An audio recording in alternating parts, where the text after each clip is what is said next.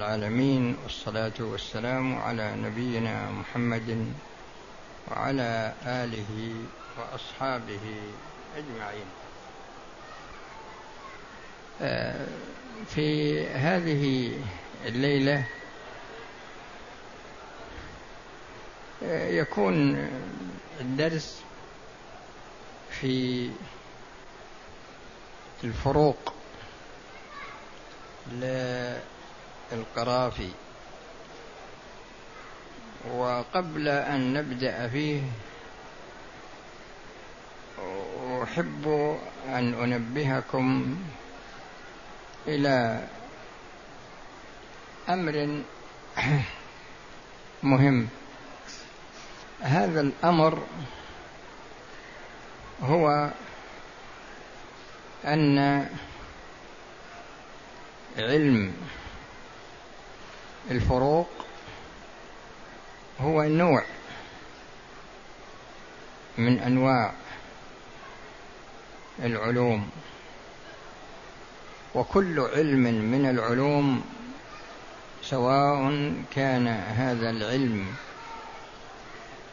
من علم القواعد قواعد العلوم لأن كل علم من العلوم له قواعده.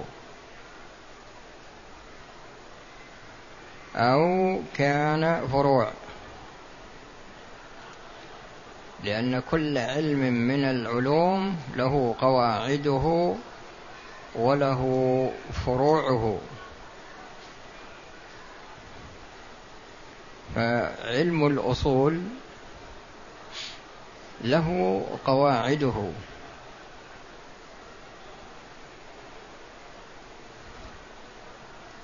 وفروعه الأدلة. فروعه الأدلة التفصيلية ليست الإجمالية لا.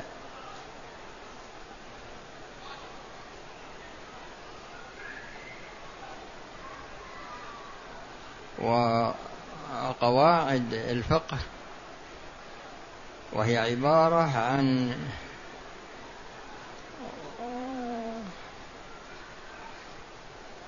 يعني القاعدة عبارة عن فروع اشتركت في علة واحدة. فتكونت قاعدة فقهية وهذه القواعد تجدون أنها مأخوذة من أدلة التشريع لكن عن طريق استخدام قواعد الأصول. فقواعد الأصول تستخدم للاستنباط من أدلة التشريع والمسائل المستنبطة هذه كل فروع اشتركت في مناط واحد سواء كان هذا المناط جنس أو كان هذا المناط نوع فإنه يتكون منه قاعدة فقهية.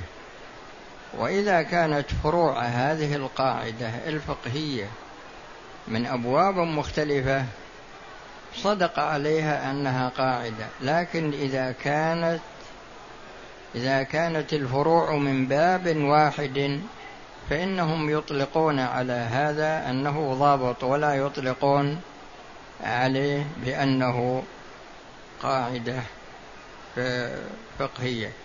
فإذا كانت الفروع من أبواب مختلفة صارت القاعدة فقهية وإذا كانت من باب واحد صار ضابطا فقهيا. وهكذا بالنظر إلى قواعد المقاصد يعني اللي هي عبارة عن جلب المصالح يعني قواعد جلب المصالح ودرء المفاسد. فلها جلب المصالح لها قواعد ودرء المفاسد لها قواعد. وهكذا بالنظر إلى العلوم الأخرى مثل علوم قواعد التفسير وقواعد التحديث وقواعد النحو إلى غير ذلك من العلوم. فكل علم تجدون أن هناك فرق فروقا بين قواعده وكذلك فروق بين فروعه. فعلى هذا الأساس الفقه الفقه له فروع وفروعه لها يعني تنقسم إلى قسمين. القسم الأول الفروع التي يجمعها علة واحدة. وهذه هذه يسمونها علم الجمع. فالفروع التي تشترك في علة واحدة يطلقون عليها علم الجمع وهي التي تتكون منها القواعد الفقهية. لكن فيه فروع عندما تعمل مقارنة بين فرع وفرع تجد أنهما مختلفان. تجد أنهما مختلفان. وبناء على ذلك ينشأ علم الفروق. ينشأ علم الفروق بين الفروع الفقهية. وفيها كتب فيها الفروق بين الفروع الفقهية فيها كتب مؤلفة. ويوجد أيضا آه، توجد الفروق في يعني مدرجة. من ضمن بعض الكتب مثل الفروق الموجودة في الأشباه والنظائر للسيوطي والفروق الموجودة في الأشباه والنظائر. لابن نجيم وهكذا في كتب مؤلفة لكن أدرجوا الفروق بين القوا بين الفروع الفقهية أدرجوها على أنها علم من يعني قسم من أقسام العلم الموجودة في هذا الكتاب وفي كتب مفردة. وبإمكان الإنسان يشتريها من الشاب من السوق. وفيه الفروق بين القواعد الأصولية. الفروق بين القواعد الأصولية. وفيه الفروق بين القواعد الفقهية. وفيه الفروق بين الضوابط الفقهية. فعندنا الفروق بين الفروع. الفقهية والفروق بين القواعد الأصولية والفروق بين القواعد الفقهية والفروق بين الضوابط آه، الفقهية. وفيه فروق فيه فروق تكون فروق من جهة اللغة لكنها تدخل في أصول الفقه فهي من ناحية مادتها لغوية ولكن من ناحية مدلولها والمقصود منها أنها قواعد أنها قواعد أصولية فمدرجة في الفروق بين القواعد الأصولية وفيه فروق أيضا بين مقاصد الشريعة بين قواعد مقاصد الشريعة. وفيه فروق في علم التوحيد في الإيمان وفي التوحيد يعني في فروق في في قواعد علم العقائد. فروق بين قواعد علم العقائد وفيه فروق بين قواعد علم السلوك بين قواعد علم السلوك. الكتاب هذا اللي هو الفروق للقرافي هذا تجدون إنه مجموع. يعني يوجد فيه فروق بين قواعد أصولية وفروق بين قواعد فقهية وفروق بين ضوابط فقهية. وفروق بين فروع فقهية ولكنها ولكن الفروق بين الضوابط وبين الفروع هذه قليلة جدا لكنها موجودة. وفيه فروق بين قواعد العقائد لكنها ليست بكثيرة. وفيه قواعد أيضا في علم السلوك. يعني فيه فروق بين قواعد علم السلوك لكنها ليست بكثيرة. وفيه شخص فيه شخص رتب الكتاب. رتب الكتاب يعني صنف الفروق لأن الفروق هذه تزيد عن خمسمائة قاعدة.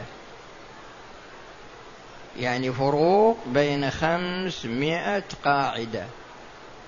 ففي كتاب رتبها أخذ رسالة لا أدري رسالة ماجستير أو دكتوراه لكنها في ترتيب آه، الفروق. فمثلا ذكر جميع الفروق بين القواعد الأصولية مستقلة. الفروق بين القواعد الفقهية مستقلة. الفروق بين القواعد اللغوية مستقلة. وهكذا فصنفه موجود هو في السوق أظنه, أظنه جزءان. اسمه ترتيب الفروق للقرافي. وكتاب كما ذكرت لكم هو رسالة. والطريقة التي سأسلكها هي أولا أذكر لكم نص الفرق. ثم أبين لكم معناه. ثم أذكر له مثال أو مثالين لأن بعض الفروق التي ذكرها رحمه الله أطال فيها النفس يعني تكلم كلاما كثيرا. وبإمكانكم الشخص الذي له رغبة بإمكانكم الرجوع إلى ما كتبه وكذلك التعليق الذي عليه لابن الشاط فإنه تعليق قيم جدا. يعني ما, ما يستغني عنه الشخص الذي يريد أن يدرس الفروق وكذلك الكتاب الذي مع الكتاب المضاف إليه الذي يقول صاحبه إنه نظمه ورتبه فهي ثلاثة كتب أصلها هو كتاب الفروق. فممكن أن الشخص يجمع بين هذه الكتب وإذا أضاف إليها الكتاب الرابع الذي هو الترتيب ترتيب الفروق يكون يعني وقرأ فيها ربما أن الله سبحانه وتعالى يفتح عليه. فنبدأ الآن بالفرق الأول من الفروق.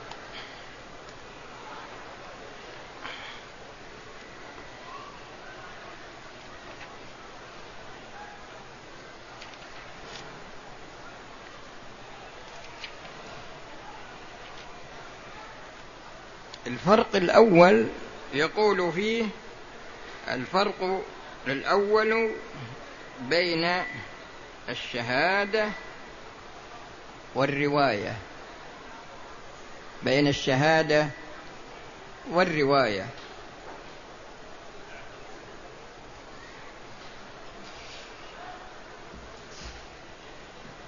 زبدة هذا الفرق هو أننا ننظر إلى المروي. ننظر إلى المروي. فإن تعلق المروي بأمر عام للناس فإن تعلق المروي بأمر عام للناس اعتبرنا هذا رواية. وإن تعلق بأمر خاص قابل للخصومة وحسم النزاع يعني بهذا القيد قابل للخصومة وحسم النزاع يعني أن هذا مستند يستند إليه من أجل النظر في الخصومة ومن أجل ومن أجل حسم النزاع فيها فهذا هو الشهادة. ولا فرق في ذلك بين شهادة امرأة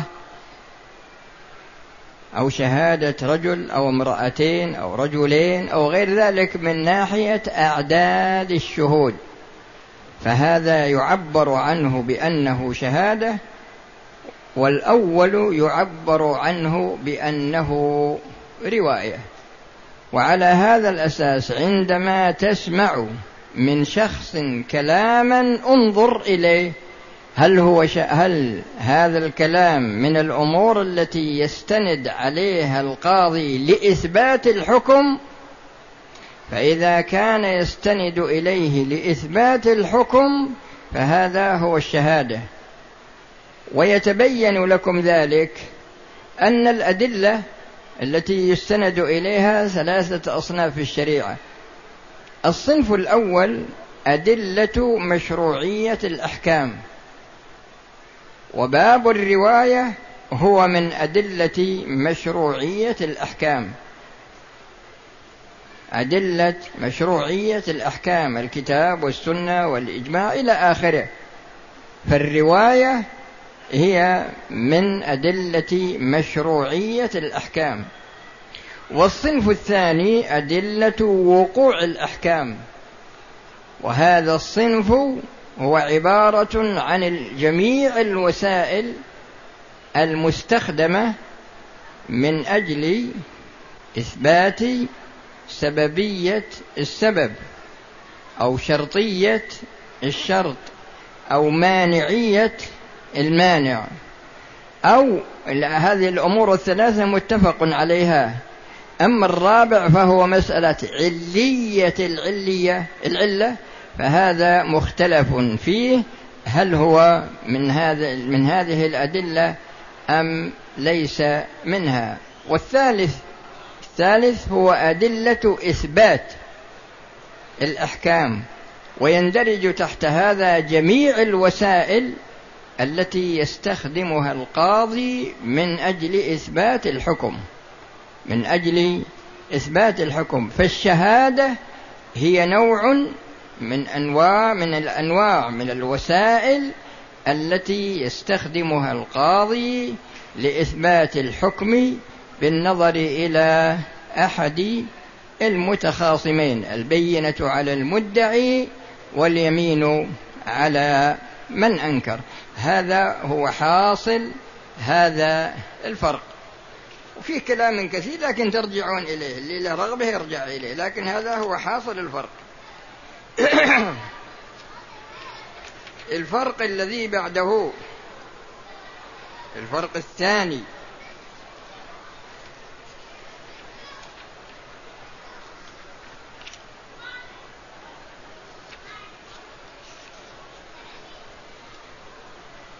الفرق الثاني بين قاعدتي الإنشاء والخبر.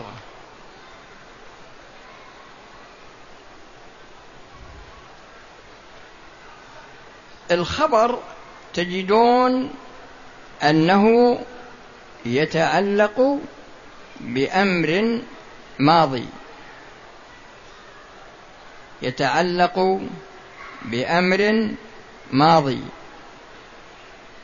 والإنشاء يتعلق بوقوع أمر مستقبل. الخبر تجدون أنه يتعلق بأمر ماضي والإنشاء يتعلق بأمر مستقبل. الخبر من حيث الأصل يصح أن تقول لصاحبه صدقت أو كذبت.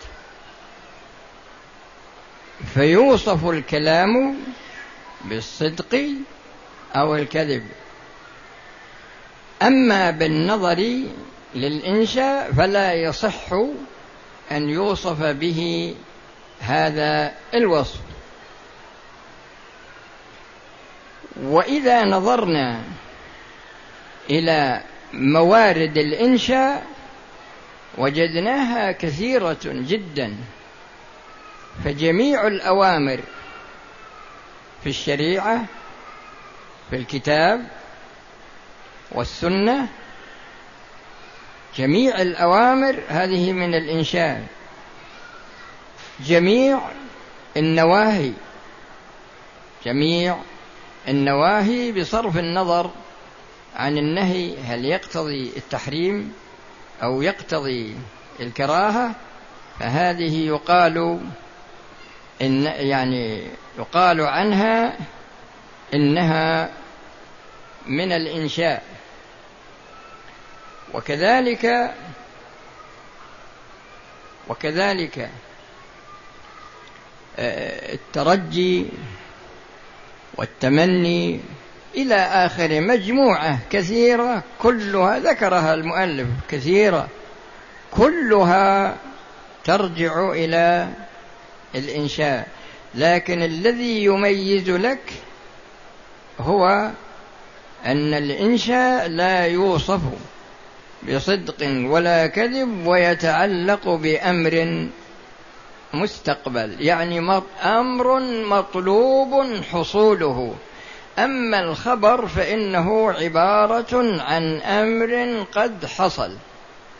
وإذا نظرنا إلى الأخبار وجدنا أنها ثلاثة أصناف.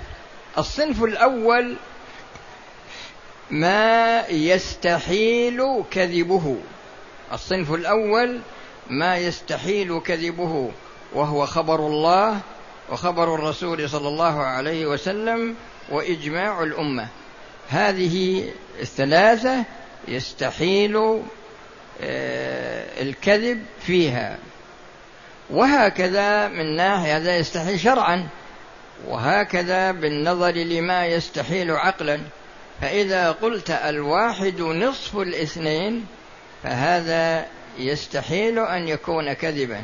معقول أن الواحد نصف الاثنين. وفيه ما يستحيل ما يستحيل يعني يعني وفيه ما يكون كذب قطعا خبر لكنه كذب قطعا. مثل ما تقول الواحد نصف العشرة الواحد نصف العشرة. أما ما عدا ذلك من الأخبار فهذا ينظر فيه فهذا ينظر فيه. ولهذا فيه أمر مهم جدا هو مزلة قدم أنا أنبهكم عليه. هذا الأمر هو خبر الآحاد. فيجري على ألسنة كثير من المنتسبين إلى العلم أن خبر الآحاد ليس بحجة. لأنهم يقولون إنه أمر ظني. على كل حال يركبون أشياء ما هي.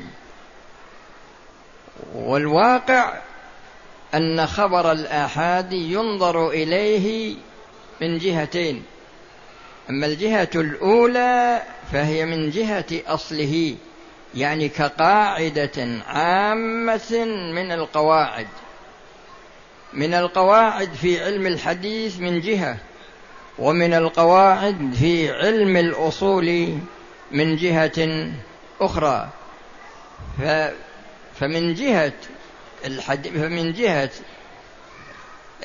علاقة القاعدة بعلم الحديث هذا من ناحية قبول قبول هذا الأصل أو عدم قبوله ومن ناحية علاقته في أصول الفقه من جهة الاست... إنه ما إن يعني رد أدلة خبر الآحاد كل دليل يضاف إلى ما يناسبه من أدلة التشريع لتقرير القواعد الأصولية من جهة والاستنباط الفروع الفقهية التي تتكون تتكون منها القواعد الفقهية.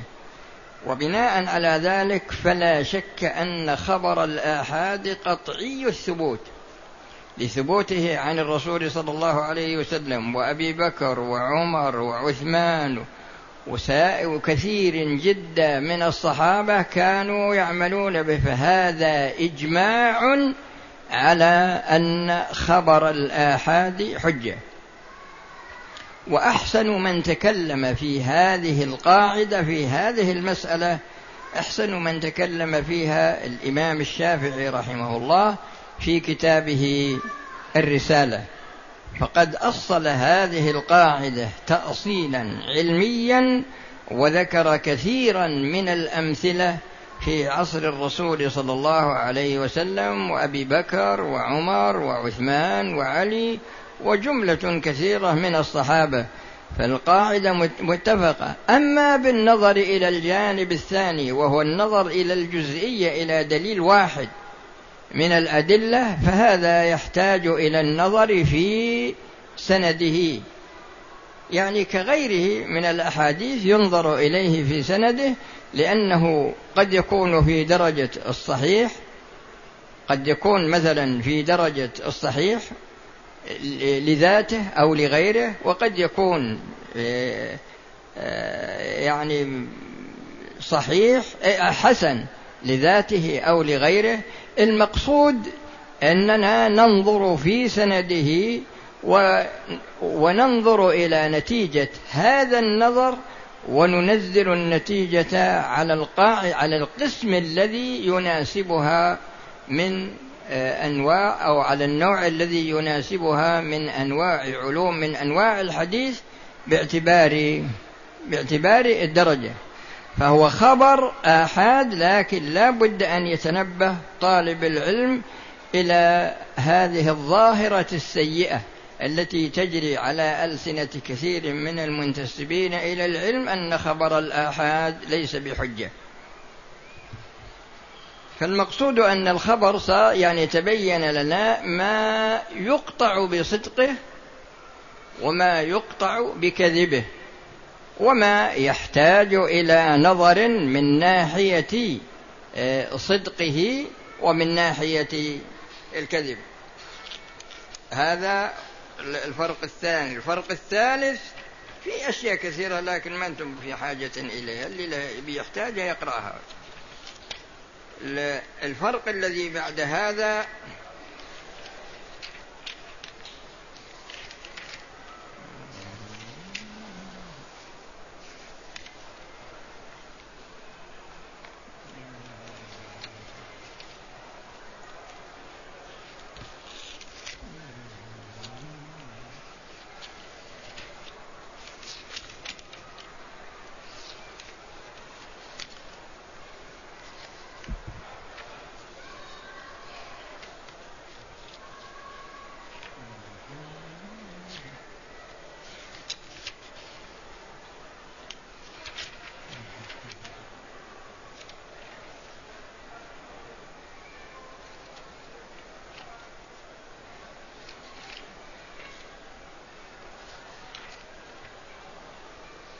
الفرق الثالث بين الشرط اللغوي وغيره من الشروط العقلية والشرعية والعادية.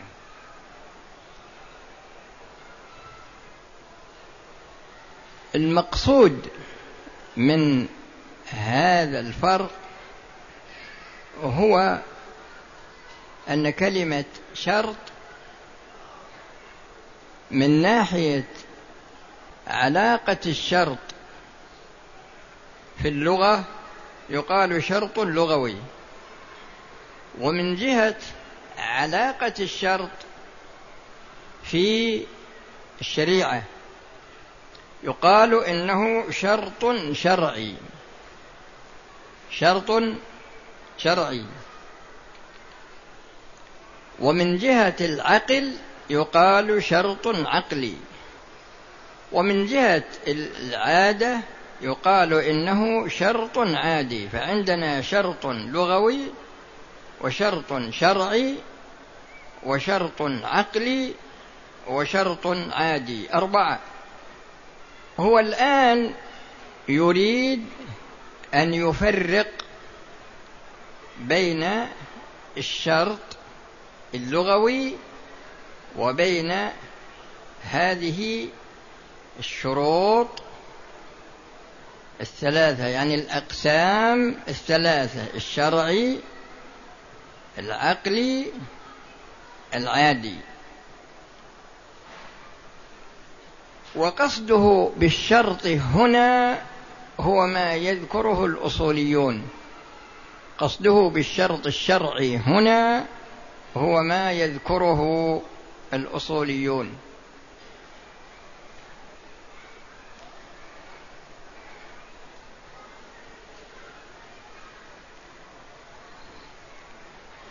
آه، الشرط اللغوي المقصود منه إنك تستخدم أداة من أدوات الشرط. من أدوات الشرط.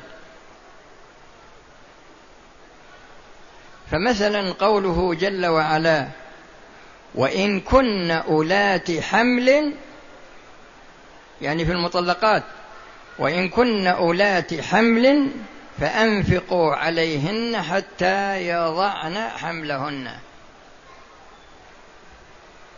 وإن كنتم جنبا فاطهروا. وإن كنتم مرضى أو على سفر أو جاء أحدكم من الغائط إلى آخره.